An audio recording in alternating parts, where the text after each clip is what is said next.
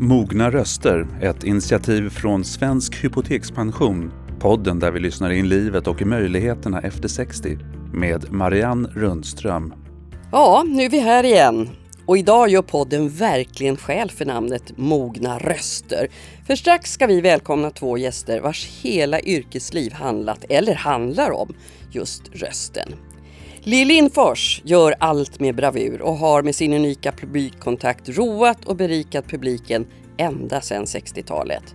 Och till studion kommer idag också en av de kanske allra mest kända radio och tv-rösterna, Robert Pärlskog. Hans breda publik vet alla hur han låter, men få vet hur han ser ut. Vid 60 värvades han till ett nytt toppjobb som kommentator på Viasat. Och förra avsnittet, ja då gästade ju Thomas Bodström oss. Han stängde inte dörren för att återgå till politiken på lite äldre dagar, men sa så här om äldres representation i riksdagen. Ja, och det är liksom i stort sett Barbro Westerholm från Liberalerna som man hör. Hon är ju väldigt duktig. Ja, Thomas Bodström beklagade att Barbro Westerholm nästan är ensam om att föra de äldres talan i politiken. Och ingen har som hon genom decennier slagit för att årsrika ska ha möjligheter att fortsätta och erfarenheter ska tas tillvara. Nu sätter hon punkt, men idag ska hon sammanfatta sitt långa liv i maktens korridorer här i podden. Så välkomna till ett nytt avsnitt av Mogna röster. Ja, från ett rätt nedstängt liv till fullt ös när Lill Lindfors nu äntligen får åka ut på en turné genom hela Sverige. Efter 60 år på scen är känslan att hela landet har en relation till den unikt mångsidiga artisten som sysslat med alla sorts underhållning som artist, kompositör, textförfattare och även skådespelare. Men som också har ett starkt engagemang i barns villkor och till exempel kvinnors hälsa. Ja, då säger jag väldigt välkommen till Lill Lindfors. Så roligt att du vill vara med oss. Tack så mycket! Jag tycker det är roligt att få vara här. Ja, och det väntar en avskedsturné bakom kröken nu. Det där är nästan svårt att ta in faktiskt. Och just nu när man nästan får nypa sig i armen så lägligt att man faktiskt kan sitta i en publik igen. Man kan sitta och vara med på, se levande. Det är helt fantastiskt för det har ju varit nedstängt så länge. Ja, Hur känns det här? Nu närmar det sig. Nu närmar det sig. Ja, vi får se hur mycket avsked det blir, men eftersom jag är bokad nästa år också. Men, så gick det med den avskedsturnén? Ja, nej men det är nog någon annan. Det är nog inte jag som har satt avskedsturnén på mig. Jag har sagt att jag kommer inte att turnera så långt i fortsättningen. För det är ändå rätt, rätt krävande att turnera. Det, det är inte krävande själva framträdandet tycker jag. För där finns det så mycket glädje och att möta publiken och där finns det så mycket energi. Jag får så mycket tillbaka från publiken. Men det som är arbetsamt är att packa, också hålla mm, eh, tiden på när jag äter eh, lunch, frukost, rör mig, uh, vilar. Alltså det finns, jag, får hålla, jag håller ett ganska strängt schema. Så på det sättet är det arbetsamt och så ja, packa upp och packa ner. Och, eh, de här ensamma stunderna är också viktiga. Sen äter jag ju aldrig middag strax före konserten. Så det är viktning året om då när du är på ja, turné? Ja, jag gör det. Jag måste äta efteråt, vet jag. Så äter jag sen lunch. För att eh, när det blir för tungt om man äter precis före. Medan killarna i bandet, musikerna, de vill gärna äta precis före. Så att de har och liksom, efter? Och, ja, och efter händer också. Eller det, det gör det. Tillsammans är ett sätt att finnas till, Mm. heter turnén. Precis som en låt som du sjöng för Mm. många år sedan. Den där fantastiska låten om ett Mm. krogragg. Jag gillar den så mycket faktiskt. Den berättelsen om... Ja, jag tycker också mycket om Ja. den. Den är så lång så den, den hör man inte så ofta eftersom den är nio minuter lång. Så det är svårt med det är inte någon bra radiotid. Men det här med tillsammans är ett sätt att finnas till. Det är ju precis det vi alla har varit med om, förstått värdet utav Ja. under pandemitiden. Hur har det varit att för dig som är alltså, du har en sån unik eh, kontakt med din publik och så, hur har det varit att inte möta dem? Det har varit... Eh, jag tycker att jag har tappat någon del av eh, vad ska jag säga, den här eh, kreativiteten och tankarna och energin. Kände jag, jag dippade ordentligt där ett tag och kände att åh, Kanske inte just att jag har, att ha publik eh, framför sig. Det är inte det som är nödvändigt utan samvaron, den sociala samvaron. Att tvingas eh, diskutera eller prata. Alltså det här finns en del, även om maken och jag ju har intressanta samtal. Och vi, vi hade ju mycket där att diskutera ett tag, eller följa under Trump, Trump-perioden. Så var det ju väldigt spännande. Det fanns ju många spännande tillfällen och fina konserter på radion. Men det här att sitta ner, eller säga kom över, ett middag med oss. Det här spontana sociala samvaron. Det var som att gå omkring med ett filter kände jag. Det här filtret var det här avståndet hela tiden. Men är kreativiteten i ditt yrkesliv, är den beroende av det här att vara tillsammans, att mötas, att man är flera? Ja, jag tycker det. Jag tycker att man får eller jag får, jag ska bara tala för mig själv, så, så får jag mycket energi i samvaro med andra. Då tycker jag, ensam är man nästan ingen. Nej. Det är klart att man är någon ensam också, det är inte så. Men, men eh, det ger så mycket energi att hålla på och tänka och så här och lyssna och säga det här skulle vara roligt att göra. Och att vara igång. Mm. Vad är det du har längtat mest efter nu För den här turnén, mm. vare sig det blir en avskedsturné eller inte, så har ju den varit planerad länge. Den var ju planerad. Och sen och det har ju... fått ligga i träda som så mycket annat. Vad är det du har längtat mest efter? Efter musiken och um, ja, också publiken, det måste jag ju säga. Att möta människor, att uh, också känna in hur, hur hur, hur tar de det här? Ska vi... Och det finns ju någon bekräftelse också i det, att bli bekräftad. Det är klart att det finns, att stå på scenen och få applåder. Men när man sitter i den här publiken och mm. så ser man dig hantera din publik. Den, du har ju en unik publikkontakt faktiskt. Där du, vi får som sitter i publiken får hur mycket som helst. Vad får du tillbaks? Jag får energi tillbaka genom bemötandet av mig. Och applåder så läser jag ju av eh, inte alla, för det kan jag ju inte göra, men, men eh, jag plockar till mig. Åh, oh, där är någon som sitter. Åh, oh, han kanske har befunnit sig i just den situationen som jag pratar om. Det här texter och sång och musik träffar ju människor på olika sätt. Um, man tar till sig, man befinner sig i en, vilken livssituation man befinner sig i så tar man ju också till sig. Då är man ju också känslig för ja, olika berättelser och olika sorts glädje. Mm. Och när du har suttit med det här materialet som du nu ska ut på en turné i Sverige med, mm. alltså från norr till Kalmar i söder mm. och så landar ni i Stockholm så småningom den mm. i början på november. Hur har du tänkt då? Vad är det, ska du, för det var tänkt som en avskedsturné en gång i tiden. Blev det då liksom, ska du gå igenom hela ditt eh, artisteri här eller? Det går inte det går inte, men jag skulle vilja ändå gå tillbaka. Vi säger jag har varit ja, 50 år är det väl? 60. Är det 60? Om jag har läst på rätt. Ja, det har nu ska inte jag bräda gjort. dig med hur länge du Nej. har varit på scen. Men 60 jag, år sedan debutskivan ja, tror jag. Ja, jag har hållit på ännu längre egentligen om jag börjar räkna skola. Och, ja, Men ja, okej, okay, 60 år, jag köper det. Jag, eh, vad jag tycker skulle vara spännande eftersom jag varit med så otroligt länge så tänker jag att det skulle vara spännande också att sätta, sätta den musik eller sånger som jag, som jag sjunger på scenen i ett, eh, i ett tidsperspektiv. Och sånger har ju också varit kopplade till, jag har ju fastnat för sånger eh, också i, eh, med tanke på Ja, min, min situation kanske, om jag ser tillbaka. Men sen har jag ju alltid jobbat väldigt brett. Så jag har jobbat med så många olika saker. Men det skulle vara spännande tycker jag att spegla, ja, om vi tar rasismen till exempel. Som jag också har upplevt. Jag har varit i Amerika eh, 1962 med Arne Bendiksen och reste runt. Då det verkligen, då man verkligen skilde på svarta och vita. Och var så påtagligt. Och därför kände jag när jag kom till Amerika 1962, det var tidigt, jag precis jag hade, jag hade tagit studenten på 60. Alltså 1960. Och jag blev erbjuden och var lite känd, jag hade gjort ganska mycket tv redan då. så blev jag skickad av Norwegian Welfare Office tillsammans med Arne Bendixen till Amerika. Sex veckor reste jag runt på och uppträdde i svenska kyrkor, i sjömanshem, bodde ute på sjömanshemmet i Brooklyn.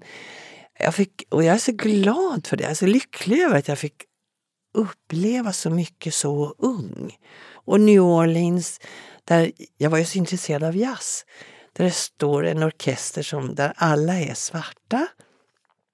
Men ingen svart får komma in på klubben. Och jag vet, jag var så, det upprörde mig så det här. Och jag kunde inte förstå det. Jag kunde inte få någon som förklarade på ett vettigt sätt varför. Varför skiljer man så på människor? Vi tog, skulle ta taxi, Arne Bendixen. Det här momentet kommer jag ihåg så väl. Och så vinkade vi in en taxi som kom. Och så sa han, sorry I can't take you ma'am. Va? Why can't you take me? Varför kan du inte ta med mig mm. i bilen? Nej, no I'm not allowed to drive white people. Du fick inte åka med för du var vit? Jag fick inte åka med för jag var vit. Mm. Och jag försökte, jag kanske pressade honom också, but why? Why? I'm sorry ma'am, but this is the way it is. Mm. Tyvärr är det inte allt det där som man är förbi än idag. Vi lyssnar på landets mogna röster. En man i byrån byggde på ett skämt och som också en dikt som Eva Kilpi har skrivit, den finländska poeten. Alltså att det vore så skönt befriande om man kunde ta en karl och liksom bara förminska honom och så stoppa ner honom någonstans. Och sen när man hade lust att umgås så kunde man liksom förstora honom igen och så blev han till vanlig storlek. Och. Jag tyckte liksom hela den tanken var så, kändes ju ganska befriande. Och sen, men så var den där insändaren från Eh, Nässjö som skrev att jag vet nog precis vad Lill Lindfors sjunger om. Det är en sån där sexleksak, en dildo. Och jag, jag kan säga, jag har ganska snuskig fantasi, jag har det. Jag kan dra ganska långt sådär och tänka. Men det här hade jag inte kommit på överhuvudtaget. Så jag kände att nej, men jag kan, det kan inte jag göra liksom, det är inte det jag menar. Men det, det, måste vara en fantastisk resa du gör när du sitter och ska sätta ihop ett sånt här material som då handlar om ett x antal decennier säger vi då, då ja. med alla de samarbeten du har haft också. Mm. Allt från Karl Gerhard, Hasse och Tage, Brasse Brännström, you name it, hur många som helst. Ja, men, ja. Och bara häromdagen så såg jag faktiskt ett fantastiskt klipp på, på tv där du sjöng den blomstertid nu kommer ihop med Nisse Landgren. Man bara satt och rös alltså. Det är ju hur många samarbeten som helst som, som kan... Är det något som toppar där du känner att åh, då var det som bäst eller det där kan inget klå? Det är alltid svårt att svara på tycker jag, för jag kan ju hela tiden eh, se, se de här upplevelserna eh, på olika sätt, med olika eh, infallsvinklar. Uh, jag tycker att uh, om vi talar om just alla, alla de som du nämnde så har det funnits, inom det samarbetet har det funnits uh, toppar. Robban Broberg som gjorde Mitt lilla face och jag. Och Robert Broberg, som han vill kallas. Han har bytt namn då och då. Ja. Ja, eh, Ove Thörnqvist skrev ju, var ju väldigt starkt. Svante Thuresson Svante som faktiskt vann hela Eurovision. Ja, visst.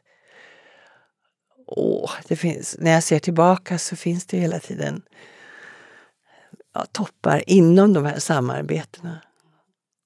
Och att få eh, stå på scenen tillsammans med, jag, jag har aldrig stått på scen tillsammans, tillsammans med Tage, Hasse har jag jobbat med när vi gjorde jul, julföreställning. Men Hasse och Tage som skrev till Gröna hund, konstgjorda Pompe till Grönan. Men det, mm. Nej, jag har ett oändligt eh, rik samling av, av toppar. Mm. Och, och många av våra lyssnare reagerar ju nu och känner, känner igen och det var den och det var det och det Mm. såg jag på den Mm. föreställningen var jag på och sådär. Men det, det knep lite i hjärtat när du nu räknar upp alla de här och, jag, och de jag hade Ja. också att nästan ingen ju lever längre. Nej. Vad har du för känslor inför det? Att Svante Thuresson gick bort i somras. Ja, men Ove Thörnqvist är kvar. Ove Thörnqvist är kvar. Så nej, det är, jag sörjer ju många av de som har gått bort. Har gått bort. Verkligen. Och Magnus. Och det är en hel radda man kan räkna upp. Och nyligen, eh, nu ska vi se om jag kommer på alldeles bara för alldeles litet tag sedan. Ja, men det hade mer med golfen att göra. Jaså? Göran Zachrisson. Ja, man har olika Ja. delar i ett liv. ja. Men jag tänker på många av våra, vi har haft mycket skådespelare här. Och många av de som kommer upp en bit i åren, de, de kan eh, säga att det liksom, de vill absolut inte kliva ner från scen. Det ger så mycket fram, men många är oroliga, eller för att inte säga rädda, för att man inte ska kunna memorera texter och sådär längre. Du, du, eh, jag för mig i alla fall att det var så att du kunde alla Harry Belafontes låtar. Nej, inte alla. kunde Inte alla. Men gamla texter sitter ju bättre än när man ska sätta, in, sätta i sig nya. Men det tycker jag finns skillnad. Det finns två saker där jag är mer stresskänslig. Jag känner, jag är ju van att ha ett ganska högt tempo när jag jobbar eller förbereder eller övar in. Eh, där känner jag att stresståligheten är sämre. Men textinlärningen tar vä- väldigt lång tid. Inte men, så det blir inte så mycket också. nyskrivet under den här turnén? eller? Inte så mycket nyskrivet, men jag känner också att det är inte riktigt det som man förväntar sig. Publiken vill. Jag tror att publiken, men någonting försöker jag hitta som, som eh, inte alla har hört. Men jag försöker strukturera det någorlunda så att åtminstone finns de här tillbakablickarna. Vad hände i vår tid då? För det berättar ju musiken mycket om faktiskt. Alltså, det är Mm. väldiga tidsmarkörer. Ja, i hög grad. Det finns med. Sen finns det ju lallsånger och det finns sånger som egentligen inte har någon djupare betydelse. Men, men det finns någonting som, ja, som man kanske kan beröra eller vidga, vidga sången med, tänker jag. Ja, berört har du gjort. Men jag tänker på Du är den ende, som Mm. det var nästan debuten. Ja, det var första Ja. LPn. Nu vågar jag nästan inte säga årtal här jag, om jag Nej, träffar fel på fritt. tiotal, men jag tror det var 62. Det gör ingenting. Nej. S- Du den enda kom, då gjorde man ju så. Först så spelade jag i revy och så började jag började bli känd. Så jag började från det hållet då. Att jag fick göra skiva därför att jag började bli känd. Jag hade ju gjort på sommarlovet. Det är därför jag säger att det kanske är mer, det kanske är 65 år som jag har jobbat. Men jag har räknat 61 som det första professionella året. Men jag, jag var ju på tv med Karin Falk, eh, ungdomsprogram. Och jag var med eh, Hans Abrahamsson gjorde eh, filmade Nobborna som aldrig bandades. Fortfarande. Och jag var på Hamburger Börs, som det hette då, två somrar på, sko- på sommarlovet. Så jag, det har ju varit lo- lockande tidigt att stå på scenen. Mm. I olika former egentligen. För jag spelade ju teater också i skolan. Jag få artister i Sverige tror jag har en så bred karriär som du har gjort. Det är väl för att jag är splittrad. Eller kanske att du faktiskt be, behärskar alltihopa. Så. Nej, behärskar jag definitivt inte. Men jag är kanske... Men är det något du rensar bort då när du sitter och ska sätta samman en ganska lång föreställning nu? 1.45, det ryms mycket i. Mm. Är det någonting du rensar bort och tänker, nej men den där perioden var inte så bra av ett eller annat, den tar vi bort? Eller den känner jag inte för Nej, längre. inte som är kopplat till musik och framställning, där finns det. Men det som jag däremot har kopplat på, som jag inte gör längre, jag håller inte föredrag i kroppsspråk. Men det har mer att göra med att, att jag som eh, nu i min ålder har fått, jag gjorde en före, det gjorde jag en föreställning av eller tillsammans med, med soppteatern då, som heter Händer. För jag upptäckte plötsligt att jag har fått såna händer som min mamma hade. Jag ser mina händer så ser jag min mammas händer. Med, med stor kärlek till min mamma som var en underbar person. Så att, men jag gör inte kroppsspråk. Jag känner att jag är, då, då tycker jag att det blir för tydligt. Liksom. Man kan ha handskar också. Ja, jo, man kan ha det. Men annars är det ingenting som jag direkt stryker. Jag försöker ju ändå... Jag måste kunna stå för det som jag sjunger. Jag kan inte stå eh, fyra bugg och en Coca-Cola på något sätt. Jag kan, om jag inte går in i den perioden, den ungdomsperioden, då kan jag göra förälskelsesånger. Eller, men jag står ändå, jag måste ändå kunna referera till mig själv om jag ska gestalta någon text. Men nu pratar vi om, om, ett så långt artistliv som har innehållit så många olika både genrer och texter. Ja, och vet. Ja. Men framåt då? Hur, hur, vill du utvecklas? Ja, nej, men nu har jag lite på gång nästa år. som inte är inte turné, som också innehåller musik men som är mer rollbetonat. Som är en, eh, en ren du ser hemlig ut nu. Ja, men jag, jag, jag kan inte gå ut med det eftersom jag, det, det kommer inte förrän till hösten. Men så otroligt härligt att det kommer nytt och nytt och nytt. Ja, det tycker jag är helt fantastiskt att jag får förfrågan. Men det är en roll som är min egen ålder. Det var som med kabaré när jag spelade kabaré. Fräulein Schneider i kabaré som är bland det roligaste ja, Det har vi nästan inte pratat om, att du också har en skådespelardel ju det var fantastiskt roligt att spela Fräulein Schneider. Och att ha Johan Rabaeus som eh, motspelare. Jag vet inte, det kanske blir scen. Det. Ja, kanske, men det blir och det är scen ja. till hösten nästa höst. Ja. Det är ingen stor roll, men det är en roll i min egen ålder. Och det kommer jag ihåg att Ronny Danielsson, när vi repeterade Fräulein Schneider, så, så jag trodde att hon skulle liksom röra sig lite gammaldags eller mera vara äldre i kroppen. Då sa Ronny till mig. Du behöver inte, du behöver inte göra någonting med kroppen. Var som du är, du är i rätt ålder. ja, ja nej men det blir nog bra. Men vad härligt, tänk om man alltid är i rätt ålder. Vilken bra tanke. Mm. Ja, den är fin. Mm. Mm. Jag ska gå och hämta mina barnbarn när vi är klara här. Hur mycket hinner du med ditt barnbarn? Som i och för sig är ganska stor nu.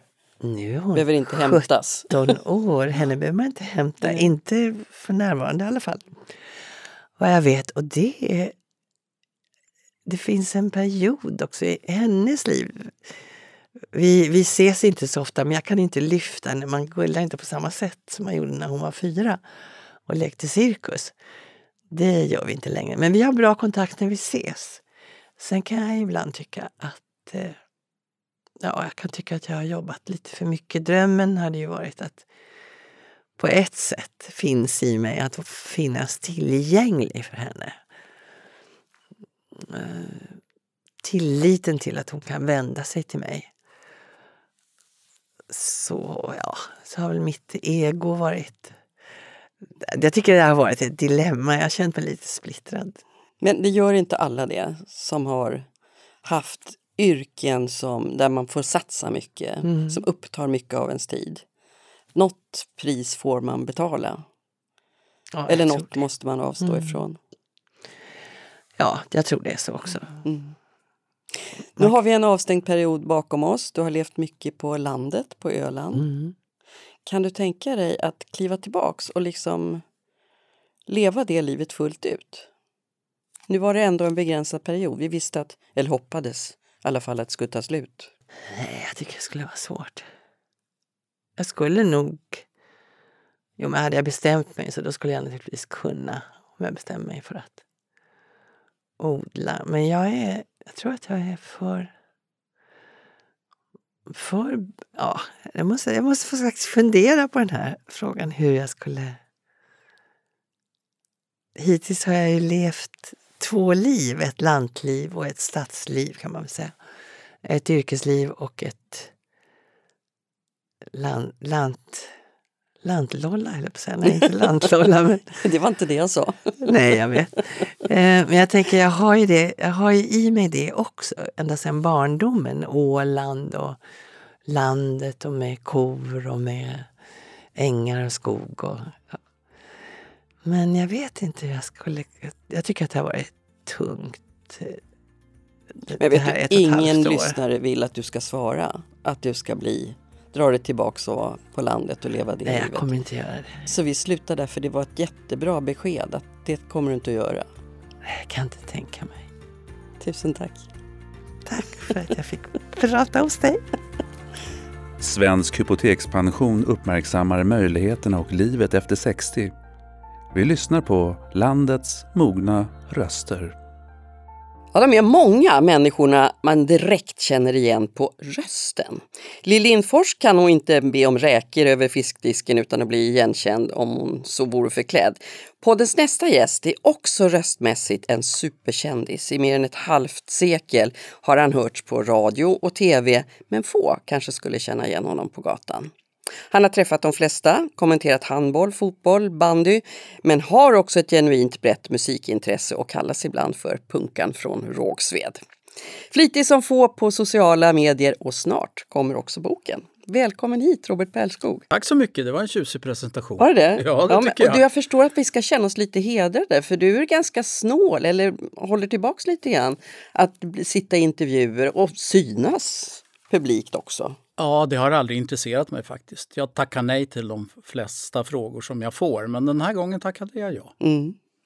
Du är folklig som få faktiskt. Så säger man Robert eller säger man Robban? Robban säger nästan alla. Ska vi säga Robban? Ja. Ja, då gör vi Min det. mamma sa Robert, men an- annars så säger alla När hon var arg Robban. på det eller? Nej då, nej då, hon gillade mig, det lovar jag. Du, vi har ett fantastiskt yrkesliv att eh, prata om. Du började tidigt 80-tal på Radiosporten, hade legendarer som Tommy Engstrand, Hyland, Lars-Gunnar Björklund som dina mentorer. Och sen så var du en av de första anställda på TV4. Men det som framför allt tycker jag är fascinerande, det är och anmärkningsvärt, det är ju att du när du var- var i 60-årsåldern faktiskt blev värvad utav Viasat. Ja, Alltså det, det, är ju, det är ju ett jobb som är väldigt hård konkurrens och som krävs väldigt mycket av timing och att hålla sig på banan. Vad, vad såg de hos dig tror du då? Eh, det var nog framför allt mina eh, skills som handbollskommentator. Jag har ju kommenterat svensk handboll sedan 1995. Eh, då började jag på TV4. Och eh, själva förklaringen till det heter ju egentligen Claes Hellgren, den gamle landslagsmålvakten, som har lärt mig allt som finns att lära sig om den där ädla sporten som jag först inte tyckte om. Jag tackade nej till TV4. Jag vill inte åka på VM i, i Reykjavik och Akureyri. Snacka om parhästar. Det har vi blivit. Och som du sa, eh, det var vägen in i folkligheten. Jag har aldrig varit särskilt folklig. Eh, men i och med handbollen så har jag blivit det. Mm, hur blir man det då?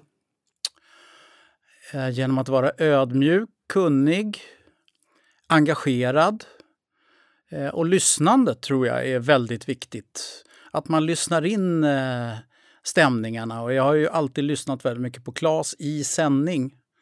Det är en generös människa. Han vill att jag ska vara bra. Det vill alla tittare och lyssnare också genom åren. Ja, men det finns ju de som kör sitt race bara. Mm. Men, men, eh, ja, men Claes är så fin och uppmuntrande och vill alltid själv stå i bakgrunden. Det är kanske nyckeln till vårt samarbete, för det är samarbetet som har gett den här eh, fortsättningen. Egentligen borde jag ha slutat.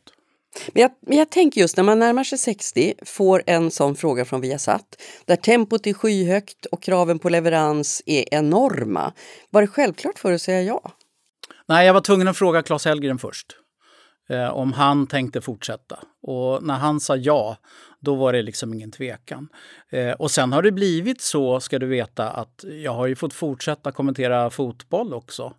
Det var ju inte meningen från början. Det är ingenting som står i mitt kontrakt, men, men eh, jag har ju kommenterat fotboll sedan 1981. Så jag, jag har fått fortsätta med det med och det tycker jag är kul. Mm. Eh, för jag behöver inte resa så mycket längre. Det var det jag hade tröttnat på. Och jag funderade på att sätta mig på som, sommarstället och meta abborre när jag fick frågan. Det var Hade inte du självklart. blivit mätt på fångsten under åren? Nej, det kan jag garantera. Hur många gånger har du suttit där då? Med metspöet? Eh, ja, om jag ska vara riktigt ärlig, på fem år en gång. Hoppsan. Mm. Ja, ja. Sjön Men- ligger kvar. Sjön ligger kvar. Mm. Men du, jag pratade nyss med Lill Lindfors om det här med att ha rösten som redskap, verktyg. Och i ditt fall så är den ju, det betyder allt. Det handlar om timing men det betyder också, eller handlar också om hur rösten låter. Hur, hur hanterar man liksom de förändringar som ändå sker med åldern? Ja, fast jag tycker ju inte att min röst har förändrats. Eh, jag, jag, jag läste nyligen ett uttalande av David Lynch, eh, filmregissören, eh, där han sa att eh, det är bara kroppen som förändras. Inuti är samma centrum som tidigare. Eh, när man pratar med sig själv så pratar man fortfarande med den lilla pojken. Eh, och det är lite så det känns. Alltså jag, jag upplever inte att min röst har förändrats och absolut inte till det sämre, snarare till det bättre. Jag fick ju, jag fick ju när jag började på Radiosporten omgående bege mig till talpedagogen. Eh, min mentor Tommy Engstrand skickade mig dit. Jag lät så här, jag snackade stockholmska och det tyckte inte Tommy var något bra, även om han är från Tomtebogatan. Det har du jobbat bort ganska bra. Det har jag jobbat bort. Mm. Och det gör ju att också, och man är väldigt ofta nervös i det här jobbet och det är ofta väldigt mycket stresspåslag. Men kan man lägga ner rösten i magen så låter man ju kolugn inför, inför tittarna och lyssnarna. Men alltså, alltså efter 40 år i ett kommentatorsbås, mm. blir du fortfarande nervös när den gröna lampan börjar lysa? Inte så mycket längre om jag ska vara ärlig. Men ett tag jobbade jag ju så hårt så jag gick in i väggen. Kroppen la av.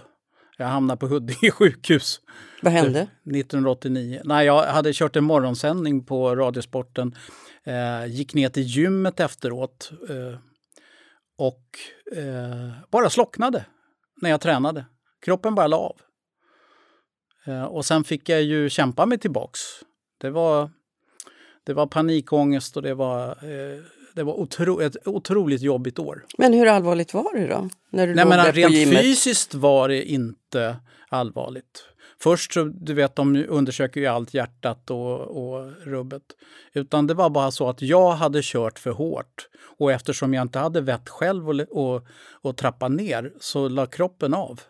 Men nu, nu sa du alldeles nyss när det var, jag, kommer, jag har redan glömt vilket år det var, men det var länge sedan. 89. Du var ung, ganska mm. ny i gamet. Mm. Alltså, prestationskraven. Ja, det var det. Blir, men kommer man bättre överens med dem i åren? Ja, det är jätteskönt. Det är superskönt. Och för att svara på din fråga kort, nej, jag blir inte nervös längre. Men det är klart, har man inte riktigt ordning på grejerna och, och, och ligger lite efter i, i körschemat så att säga, så kan det fortfarande bli lite stresspåslag. Men det är ingenting som någon märker lite högre puls men eh, man lägger ner rösten i magen bara så funkar det. Som jag sa, du gick alltså i skola hos eh, Tommy Engstrand, eh, Lars-Gunnar Björklund, Hyland faktiskt mm, fanns också Hyland med, med, där. Va, vad fick du med dig från dem? Eh, framför allt att man måste respektera lyssnarna. Att man måste vara noggrann eh, och förbereda sig så bra man någonsin kan. Och att, eh, att jobba med sin röst som instrument. Eh, Tommy Engstrand sa till mig en gång när jag hade dabbat mig i ungdomen så sa han att du vet, du kan inte ringa runt till 500 000 lyssnare och säga att ja, jag ber om ursäkt, men idag, eh, alltså jag blev så stressad, eh, ingenting hade gått bra, jag sovit dåligt eller vad man nu har för ursäkt. Han sa bara, det finns inga ursäkter. Har du headset på dig, sitter du framför mikrofonen, då måste du vara bra. Å andra sidan så har du ju jobbat då på en arena och med ett ämne där absolut, det är själva grejen med sport, att allt kan hända. Ja, och det gör det ju. ja. Allt händer. Och det, det, det är ju liksom det underbara med att, att få det privilegiet att, att kommentera idrott live. Att man vet ju aldrig vad som händer och det är ett oskrivet blad. Och när det går bra, eh, när man har flyt, när det går bra för det svenska laget. Jag har gjort lite VM-finaler och sånt i, i handboll till exempel då är det ju världens roligaste yrke. Mm. Jag vet att Arne Hegerfors har sagt det hela tiden och jag har tänkt så här, nej, det är inte så jävla roligt egentligen för att jag mår inte riktigt bra av det här. Jag menar om jag tittar på mig själv idag, eh, vid 66 års ålder så, så har jag alldeles för högt blodtryck, jag har dåliga blodfettsvärden, jag får skällning av doktor Anna med jämna mellanrum, min doktor på Sofiahemmet. Men lärde du dig ingenting av den där när du låg där på bänken i, i gymmet? Jo då, men det hjälps inte. Vissa saker är ju ärftliga, vissa saker kommer med ålder. Men eh, att leva som sportjournalist eh, vid den tidpunkten jag kom in i yrket, det var ju inte världens mest hälsosamma verksamhet. Å andra sidan så måste ju du ha träffat alla. Alltså det måste vara så mycket positiv energi in. Vad är, det, Ja. för, vad är det för möten som, som finns längst fram i pannloben på dig? Ja, framför allt så tycker jag att det, att det är möten med de människor som jag har jobbat med. Visst, jag har träffat många stora idrottsmän genom åren. Men eh, att, eh, att få jobba med eh, före detta idrottsmän och, och även kollegor har jag upplevt som väldigt, väldigt roligt och positivt. Jag, jag skrev i min blogg för, för ja, det är ganska många år sedan nu att en lång lista på alla expertkommentatorer som jag hade haft och som jag är tacksam för och som jag har lärt mig av. Och nu är det du som skulle kunna vara den mentor som du hade i Björklund Ja, och absolut. Tommy Engstrand. Och, Jag tycker och det är såna. konstigt att ingen i Sverige har frågat mig om jag ska vara ärlig. Nej, fast du är mycket ungdomsledar, fotbollstränare. Ja, ja, det har jag varit i Hammarby i 20 år. Men eh, det är ett avslutat kapitel, precis som musikerkarriären. Tyvärr. Varför det? För jag tänker att det är samtidigt, det har ju du gemensamt med just de här legendarerna som vi har nämnt flera gånger nu. Att de inte var det som, klichémässigt så säger man att sportkommentatorer ofta är väldigt snäva, bara ser sport här i livet. Du gör mycket hänvisningar till musik, till litteratur och det gjorde ju de också. En enorm allmänbildning. Det måste man ha. Eh, och det var ju förresten, eh, på din tidigare fråga, det var ju någonting som, som både Hyland och, och, och Lars-Gunnar och Tommy Engstrand, Fredrik Belfrage för att nämna en till, eh, poängterade. Och det här var ju väldigt allmänbildade människor. Man måste kunna lite av varje och det är därför det har klickat så bra med, med Claes Hellgren tror jag. Han är extremt allmänbildad. Han var med i en eh, frågesport i Göteborg som heter Prat i kvadrat. Jag vet inte om du minns det, men det var i alla fall ett tv-program. där han Jo, blev- jag kommer ihåg det. Ja, han blev Underbar. stormästare Ja. vecka efter vecka och man vann en bit räls eller hur det nu var. Så han, han hade ju en järnväg till Timbuktu. Äh, äh, så att allmänbildning har jag alltid hyllat, men jag har ju fått lära mig allting själv. Eh, jag kommer ju från arbetarhem i Rågsved och jag blev ju utskatt, utskrattad på Radiosporten när jag sa bulletin istället för bulletin. Eftersom jag hade kollat och lärt mig från Mosebacke monarki. Och jag blev utskrattad på Kalla fakta på TV4 när jag var där för jag sa Ropinol istället för Rohypnol till exempel. Det är Ja, liksom det- allt, nästan allt jag kan är ju självlärt. Jag har ju själv hittat liksom Dostojevskij och Strindberg och de här gubbarna. Ja. Och vad har det givit dig? Hur har det breddat dig tror du? enormt. Det har gjort mitt liv rikare. eh, Jag har användning för det i mitt yrke och eh, det har gett så många fina upplevelser. Det handlar ju inte bara om, om bildning, det handlar också om, om, om lust och upplevelser. Mm. Och det, dit hör förstås musiken också. Jag sa att du var punkan från Rågsved Mm. och den musiken har du verkligen en, en grund i. Men du skriver ju väldigt mycket om P2-lyssningar till exempel på din blogg också. Jag lyssnar alltid på P2. Det har blivit så nu. Eh, men eh, eh, punkan från Rågsved, jag vet inte, men eh, jag spelade ju i ett band som hette Opel Rekord. Och vi var väl någon sorts eh, proggpunkare på den tiden. Eh, och vi har ju spelat på samma eh, tillställningar som Ebba Grön till exempel när det var eh, op- ockupation av o- Oasen, kulturcentrumet där i, i Rågsved. Men eh, musiken ska jag nog mest tacka mina föräldrar för. Eh, min pappa Rolle, han spelade trumpet, jazzfan. Eh, och mamma Ulla-Britt, hon eh, sjöng i folkparkerna med Simon Brem Oj! under sin ungdom. Så det där har jag fått gratis. Liksom sångröst och, och intresset för Har du musik. kvar gitarrerna då? Ja.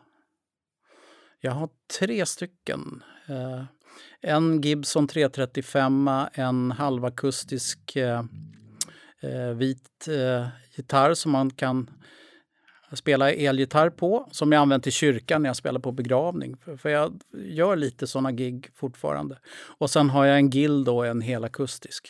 Så du har ett antal gitarrer och metspön att ta fram så småningom då när, Ja. när du har tröttnat på Viasat? Ja, egentligen borde jag spela mer än vad jag gör faktiskt. För Du- att det är så roligt. En grej till måste vi prata om och det är sociala medier där du är väldigt aktiv faktiskt. Du har den här bloggen som du har nämnt flera gånger, Fysisk graffiti Ja. heter den. Kolla in den. Ja, den är jätterolig faktiskt. Eh, och du finns på Twitter där många andra i, i din ålder känner att där har de ingenting att göra eller till och med liksom emot det för det är så hård ton där. Vad ger det dig?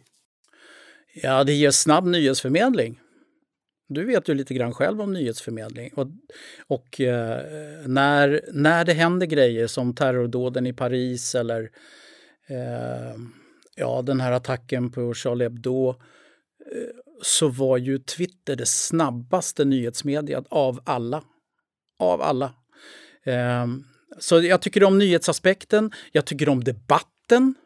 Och eh, ett av mina stora intressen som vi inte har pratat om, när jag fyllde 50 fick jag av sam- min sambo en eh, analog systemkamera. Jag är Oh. väldigt intresserad av fotografi. Så att eh, mycket av det jag lägger ut är bra foton som jag hittar. Vivian Mayer eh, från New York är en absolut favorit, vardagsfotograf i svart och vitt. När vi pratade om den inför det här så sa du också att det kommer en bok nu. Ja, Så det här är, nu släpper vi en nyhet. Ja, det gör vi. Det här är nytt. Ehm, och jag är jätteglad. Det är eh, ett förlag som heter Idrottsförlaget som, som ska ge ut min bok. Jag har ju precis som alla andra författare blivit refuserad av många förlag, men här var det ett förlag som nappade. Och det är jag jätteglad för, för det för mig är det oerhört stort att få ge ut någonting med hårda pärmar. Du vet, eh, jobbar man med etermedia, det är så flyktigt. Jag menar, jag kommer inte ihåg vad jag har sagt. Och folk där ute kommer inte ihåg vad jag har babblat om, i bästa fall. Men, men en bok du, en bok, den finns kvar. Eller en podd, för den kan man lyssna på om och om igen. Kan man det om 40 år? Nej, 50 kanske år? inte om 40 år, det kan jag inte lova. Vad ska den heta då, boken? Eh, det vet jag inte, det får nog förlaget bestämma. Men, men arbetsnamnet har varit från, eh, från Rågsved till Rio. Det är bra. Det Mm. speglar en titel som verkligen visar väldigt mycket av allt du har varit med om. Jag vet inte om det var du eller Claes Hellgren som, som myntade det här eller som sa det här. Med rullatorn mot 2026. vad, vad, innehåller framtiden? Ja, jag vet inte. Eh, Viasat har inte frågat av, om förlängning av kontraktet. Det går ut eh, eh, kommande vinter, sista januari tror jag. Eh, men det där, det där citatet är bra. Och det var ju från Claes. Eh, när jag ringde upp och frågade om han också var sugen på att fortsätta så sa han ja, om de slänger in en rullator också. Den verkar ni inte behöva på länge Ja, än. säg inte det. det är, du vet gamla elitidrottare, det är problem med knän och rena. Han, han travar ganska orent numera. Men eh, vid gott mod. Vid gott mod, och det har jag ju förstått av den här lilla stunden att du har väldigt mycket annat du skulle kunna syssla med om Viasat inte frågar. Ja. Min, min sambo säger att jag kommer klättra på väggarna men jag är inte säker på att hon har rätt. Men du ska ju veta att det har varit full fart sedan 1981. Mm. Det är En ganska många omställning år. är det ju. Ja, Om det nu blir så, det vet vi inte. nej. Men blir det så så blir det så. Jag är ganska nöjd med min karriär. Tack för att vi fick kika in i det, det livet. Ja, tack härligt själv. att du Det var kom. roligt. Ja, i Mogna röster har vi ju siktet inställt på framtiden, på en aktiv och meningsfull fortsättning efter 60. Och många fortsätter också yrkeslivet flera decennier efter det. Vi träffade nyss Lill Lindfors som är 81 när hon nu åker ut på en turné och nu ska vi träffa riksdagskvinnan som Thomas Bodström beskrev som the one and only att kämpa för och föra de äldres talan i riksdagen, Barbro Westerholm. Men nu är det snart slut på det. Nyligen meddelade hon att hon inte kandiderar till nästa val. Men givetvis kommer denna ihärdiga röst som just kommit med boken om att aldrig ge upp att tystna. Så varmt, varmt välkommen Barbro Westerholm. Så Tack. roligt att du är här. Tack för det. Ja. Jag tänker nu när du ska sluta i riksdagen, det är inte först nästa år, Nej. men då hade du egentligen kunnat eh, gå med pension för 25 år sedan. Har du aldrig kunnat känna dig som pensionär eller identifiera dig med, med det? Nej, det har jag inte. För det har hela tiden framför mig legat nya utmaningar, nya frågor eller gamla frågor som inte har kommit i- mål ännu att fortsätta med. Så att jag har ju bytt uppdrag lite då och då. Men, eh, men somliga av dem har ju då... Det har funnits en röd tråd mellan de olika frågor som jag har hållit på med. Men egentligen som politiker så skulle du ju kunna hålla på precis hur länge som helst. Varför slutar du just nu? Och nu vill jag ha en fri plattform att agera ifrån. Därför nu har jag riktigt bråttom att komma vidare med de frågor jag håller på med. Och att då den här utmätta tiden jag har kvar tas upp av långa malande sammanträden och frågor som jag måste ha i ett riksdagsuppdrag på mitt bord men som jag kanske inte är superintresserad av att ägna tid åt. Så nu vill jag bli frifräsare. Frifräsare är ett bra ord. Men du har ju hunnit verkligen med så otroligt mycket. Det finns mycket i din bok som är beskrivet i det här. Du har varit läkare, du är professor på KI, du var generaldirektör för Socialstyrelsen, du har på senare år också under många år varit eh, ordförande för Sveriges pensionärsförbund. Jag kan hålla på att räkna upp det här tills programtiden är slut. Men efter så här väldigt många år när du har kunnat påverka, hur, hur blir man bekväm med att lämna det bakom sig? Ja, men jag lämnar inte det bakom mig utan jag kommer att påverka från den här friare plattformen. Jag är ju aktiv i något som heter Age Platform Europe som är en plattform, eller paraplyorganisation för äldreorganisationer inom EU. Och där driver vi framför allt frågan kampen mot ålderismen, den fördomsfulla synen på årsrika människor. Och senare idag så ska jag vara med i en panel som just Age Platform ordnar. Och det handlar då om eh, årsrika kvinnors situation i de olika medlemsländerna och där det ser så olika ut och där man verkligen måste sätta en brandfackla i baken på en del länders toppolitiker. Men riksdagen, eh, där kommer du naturligtvis att bli saknad. Det är, det är inte ens tio stycken, alltså jag tror det är åtta eller någonting som företräder över två miljoner 60-plussare. Eh, vad förlorar, tror du, riksdagen och, och överhuvudtaget beslutsgången på att det är så oerhört få? Man förlorar deras livserfarenhet. Och jag hoppas ju att man nu följer Senior arbetskrafts rekommendation att sätta årsrika eh, kandidater för riksdagsledamotskap högre upp på eh, vallistorna så att de blir sedda och kanske inte kommer in i första svängen men om någon eh, ledamot hoppar av blir aktuell för att gå in lite senare under mandatperioden. Mm, jag tänkte just säga det, för vad talar egentligen för att du blir ersatt utav någon annan seniorkraft? Ja, jag har ju tittat på provvalslistan för mitt eget parti och eh, jag ser glädjande nog fler som har kommit upp i åren som finns på den provvalslistan. Så att eh, Hoppet lever. hoppet lever och, och jag, tyck, jag lever alltid på hoppet. Du, nyligen kom din bok eh, Aldrig ge upp. Och eh, det är väldigt tydligt att du också att det finns i dig, att du aldrig ger upp. Alltså det är fyra sidor tror jag av ditt CV på slutet där du har varit engagerad i allt ifrån, ja det är p-piller en gång i tiden, det är aborter, det är hiv, det är homosexuellas rättigheter, det handlar om äldreomsorg, tobaksfrågan, ja, jag vet inte var man ska sluta någonstans för det, det finns så oerhört mycket, inte minst förstås frågan om åldersdiskriminering där det har varit en härförare. Va, vad är du själv mest nöjd med? Vad tycker du att du har uträttat mest som har fått betydelse? Nej, men jag skulle vilja säga att eh, upplevelsen på trappan i Socialstyrelsen eh, när jag på stående fot gick då hbtq-personer till mötes att stryka sjukdomsbegreppet. Att jag kunde göra skillnad för människor från en sån plattform. Men sen har jag ju sett att det går för att göra skillnad också från andra plattformar. Och har man upplevt den här en gång så då har man mod och kraft att fortsätta och fortsätta och fortsätta. Och det är ju så att jag är läkare i botten och är utbildad för att lösa enskilda patienters problemsituation. Nu blev jag inte kliniker, men kanske jag genom de plattformar jag har varit på har möjlighet att lösa problem för väldigt många patienter eller blivande patienter.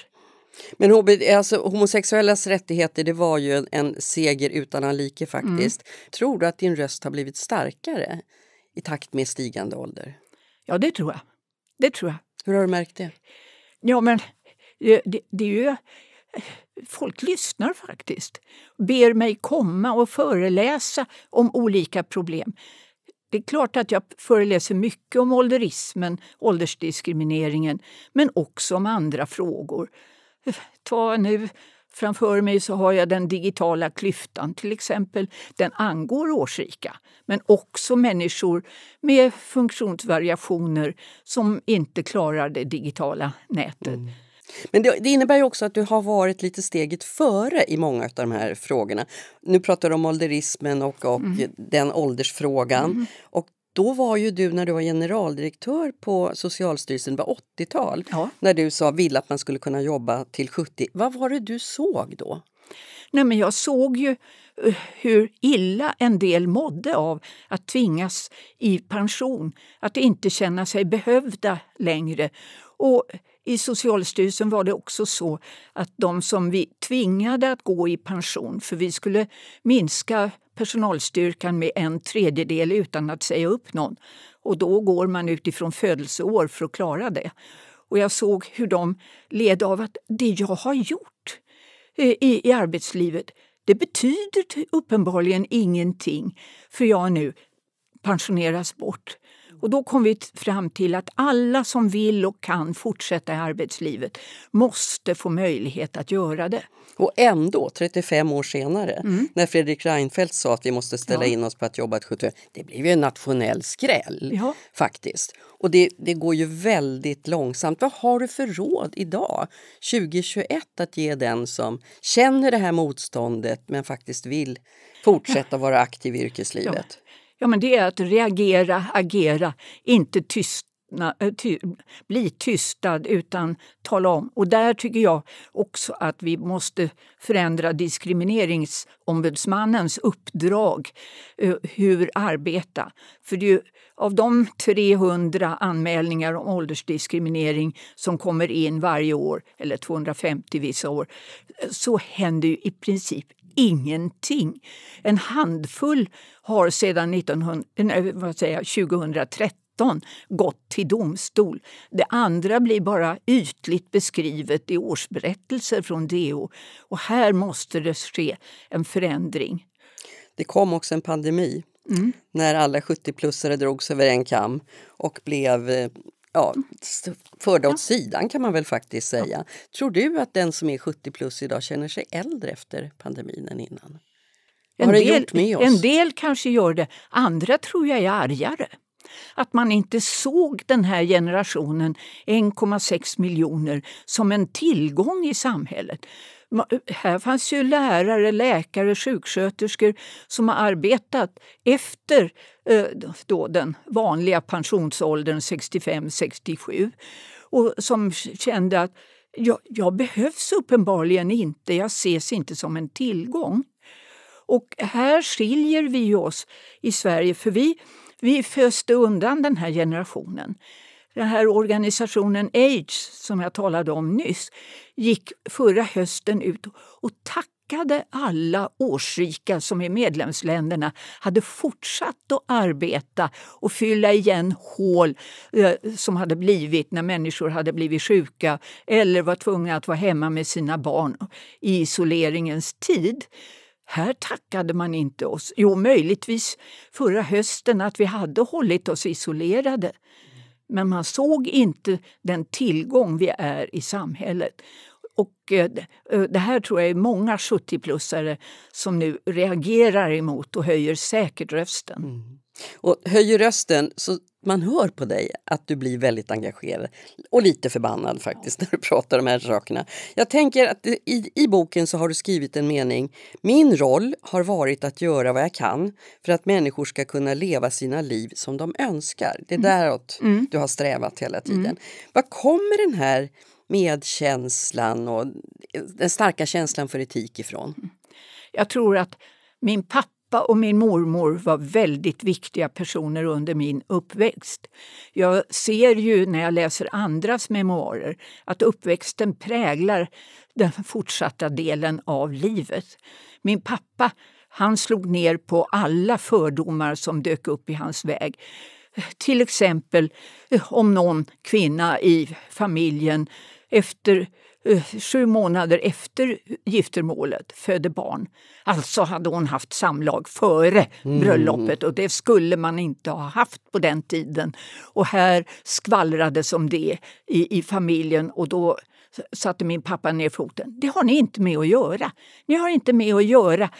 Det här är människors privatliv. Låt dem leva som de önskar så länge de inte skadar någon annan. Mm. Och du blir engagerad i sådana frågor. Du är bland annat nu engagerad i att man, man ska ha rätt till mammografiundersökningar mm. efter 74. Mm. Eh, vad, vad säger det om synen på äldre att du faktiskt måste driva det som en fråga, att det inte är en självklarhet? Man ser dem som ett kollektiv och eh, kanske med svåra hälsoproblem. Inte som en tillgång i samhället. Och jag menar, 75-åriga kvinnor har mycket kvar att ge. Eh, och vi ser ju 100-plussare som har mycket kvar att ge. Ja, men vi har ju en som lär ut digital kunskap eh, efter fyllda hundra. Så att det, det, här är en syn som vi måste, måste bli av med. Och Barbro Westerholm, när du nu tar ett steg mot någonting annat, en ny tillvaro, vad har du kvar att ge? Vad vill du kämpa för? Ja, nu är det framförallt ålderismen, den fördomsfulla synen på årsrika människor. Och där eh, krokar jag ju arm både med AIDS EU-organisationen men också Världshälsoorganisationen som har kampen mot ålderismen som en hög prioriterad fråga. Därför att ålderismen det är den svåraste diskrimineringsgrunden att göra något åt. Och här, hit hör ju Sverige till, de värst, ja, till värstingarna. Mm. Du, du skriver också eh, om att det är viktigt att förbereda sin pensionering. Nu vet jag inte om du själv är något strålande exempel Nej. på det, men har du några bra råd? Jo, men eh, vi hade eh, eh, en medarbetare i Socialstyrelsen som sen blev riksdagsledamot, Tullia von Sydow. Hon skrev böcker om just förberedelser för pensioneringen och drev att arbetsplatserna skulle ordna seminarier kring hur man förbereder sig för nästa steg i livet. Det här har jag motionerat om i riksdagen och det har blivit tummen ner hela tiden. Det här är arbetsgivarnas sak, om det ens är någon sak. Det är den enskildes sak, har man väl sagt för det mesta. Och det här är en kamp som jag kände att nej, jag får arbeta med den frågan på annat sätt. Och det är genom pensionärsorganisationerna och deras seminarieverksamhet i den här frågan. Och den kommer att hänga kvar i det jag gör när jag har lämnat riksdagen. Mm.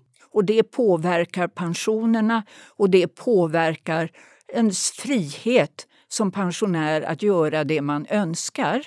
Och blir man dessutom ensam en del är ju ensamma från början, men om man förlorar sin make så blir ekonomin ännu sämre. Så därför att att värdera kvinnors arbete lika högt som männens är en jätteviktig fråga. Och i den ligger ju naturligtvis den här fördomsfullheten eh, mot, på grund av sex, på grund av kön som sen hänger med upp i åren. Vi får önska dig en, en härlig frihet framöver nu då, men sluta för guds skull inte höra av dig. Jag ska försöka höras på ett bra sätt också i fortsättningen. Ja, tack för att du kom till oss. Svåra frågor, raka svar. Svensk hypotekspension reder ut med Robert Lindström och juristen svarar. Då ska jag säga välkommen Robert Lindström här och svara på frågor från Fenix Juridik som vanligt. Tack. Ja, du, inte minst när det knakar i relationerna i en familj så uppstår ju ofta problem som våra lyssnare skriver till oss och vill ha hjälp med. Mm. Och dagens frågeställare, han vill inte berätta sitt namn, men han beskriver hur han har en dålig relation till sin dotter efter att han var väldigt frånvarande när hon var under hennes uppväxt. Han satte jobbet framför allting annat. Däremot så har han en nära och fin kontakt med hennes barn och nu undrar han vilka möjligheter han har att se till att barnbarnen får ärva så mycket som möjligt när han går bort. Alltså det, anda, frågan andas väl lite grann att bar, han vill att barnbarnen ska ha mer och kanske dottern som han har en dålig relation till mindre då. Kan mm. man hoppa över en generation på det sättet? Mm. Ja, det kan man. Eh, man kan hoppa över så att säga helt förutsatt att eh, den generation som man ska hoppa över i så fall medverkar till det. De kan göra arvsavståenden i så fall och självmant då helt oåterkalleligt säga att jag vill inte ha något arv. Och då går det i så fall vidare till nästa eh, person som är på tur. I det här fallet skulle det då kunna vara barnbarnen. Men det förutsätter ju att barnet samtycker och det verkar inte riktigt som att eh, den här personen har den relationen och kan ta det samtalet. Och då är istället alternativet att man antingen testamenterar till barnbarnet och då är det som vi har pratat om förut, eh, en eh, begränsning i då hur mycket man kan testamentera när man har barn eller bröstarvingar. Så ha, i det här fallet då så skulle han kunna testamentera hälften av sin egendom med bindande verkan. Den Men laglotten, det vill säga hälften, det har dottern fortsatt? Ja, precis. Absolut han, han kan testamentera alltihop till barnbarnet, men då har dottern en möjlighet att klandra det testamentet avseende laglotten. Mm. Nu handlar ju det här om en dålig relation, mm. men jag tycker att vi ofta har fått frågor om när det handlar om att man mer ser det som att barnen har sitt på det torra, de har god ekonomi och tjänar bra med pengar. Mm. Men barnbarnen vill man ge en skjuts in i, i ett början på ett nytt liv helt enkelt. Mm. Eh, och det, det många väljer att göra då, det är att man försöker göra på det här sättet. Eh, och det som är det kluriga då, det är att för att så att säga barnen ska eh, gå med på det här, att det går till barnbarnen istället, ja, det måste de godkänna först den, gång, den dagen som mamma eller pappa har gått bort. Med mindre än att de då gör det här oåterkalleliga avståendet. Så att liksom om, om de då inte är nöjda med fördelningen eller de kanske har flera barnbarn då som det ska fördelas mellan eller sådär, eh, så, så kan de inte påverka det. Utan där behöver man godkänna det först när mm. det väl händer. Favoriten kan inte bara få mer för att man har lust med det. Behövs det testamente för sånt här? Det behövs det absolut. Mm. Du, kan den här frågeställaren reglera det här medan han lever? För att det inte ska bli massa trubbel efteråt? Ja, det är ju genom testamente. Det man kan göra som alternativet är ju att ge en gåva, men det blir ännu mer rörigt. Eh, för där finns det olika regler. Det finns regler om förskott på arv och då har man gåvans värde vid gåvotillfället som man utgår ifrån. Och sen har du någonting som kallas för det förstärkta laglottsskyddet. Så om gåvan kränker laglotten och då gör man den bedömningen den dagen du har gått bort. Så jag skulle avråda från att man försöker gå runt det här genom att ge gåvor istället. Dessutom så påverkar det också den här eh, frågeställaren direkt att han måste minska sin förmögenhet. Så att generellt sett så är det bättre att göra det med ett testamente. Det blir enklare och tydligare och det är liksom bara ett tillfälle som man gör en transaktion på. Och då slipper man mycket värderingsproblematik som annars lätt kan uppstå. Tack ska du ha för idag. Det är inte lätt att vara människa. Hörru. Nej, det är inte det. då säger vi tack och hej för den här gången som snarare visade på att 80 plus kan vara en strålande aktiv ålder. Vi ger oss ut och letar nya gäster, speciellt utvalda för er och nästa avsnitt av Mogna röster släpps som vanligt första fredagen i månaden och ni vet väl att det går att prenumerera på podden. Mogna röster presenteras av Svensk Hypotekspension och produceras av High Creatives. Malin Andersson har varit produktionsledare, Jesper Tillberg redaktör och nu säger jag som heter Marianne Rönnström hej och tack, vi hörs igen.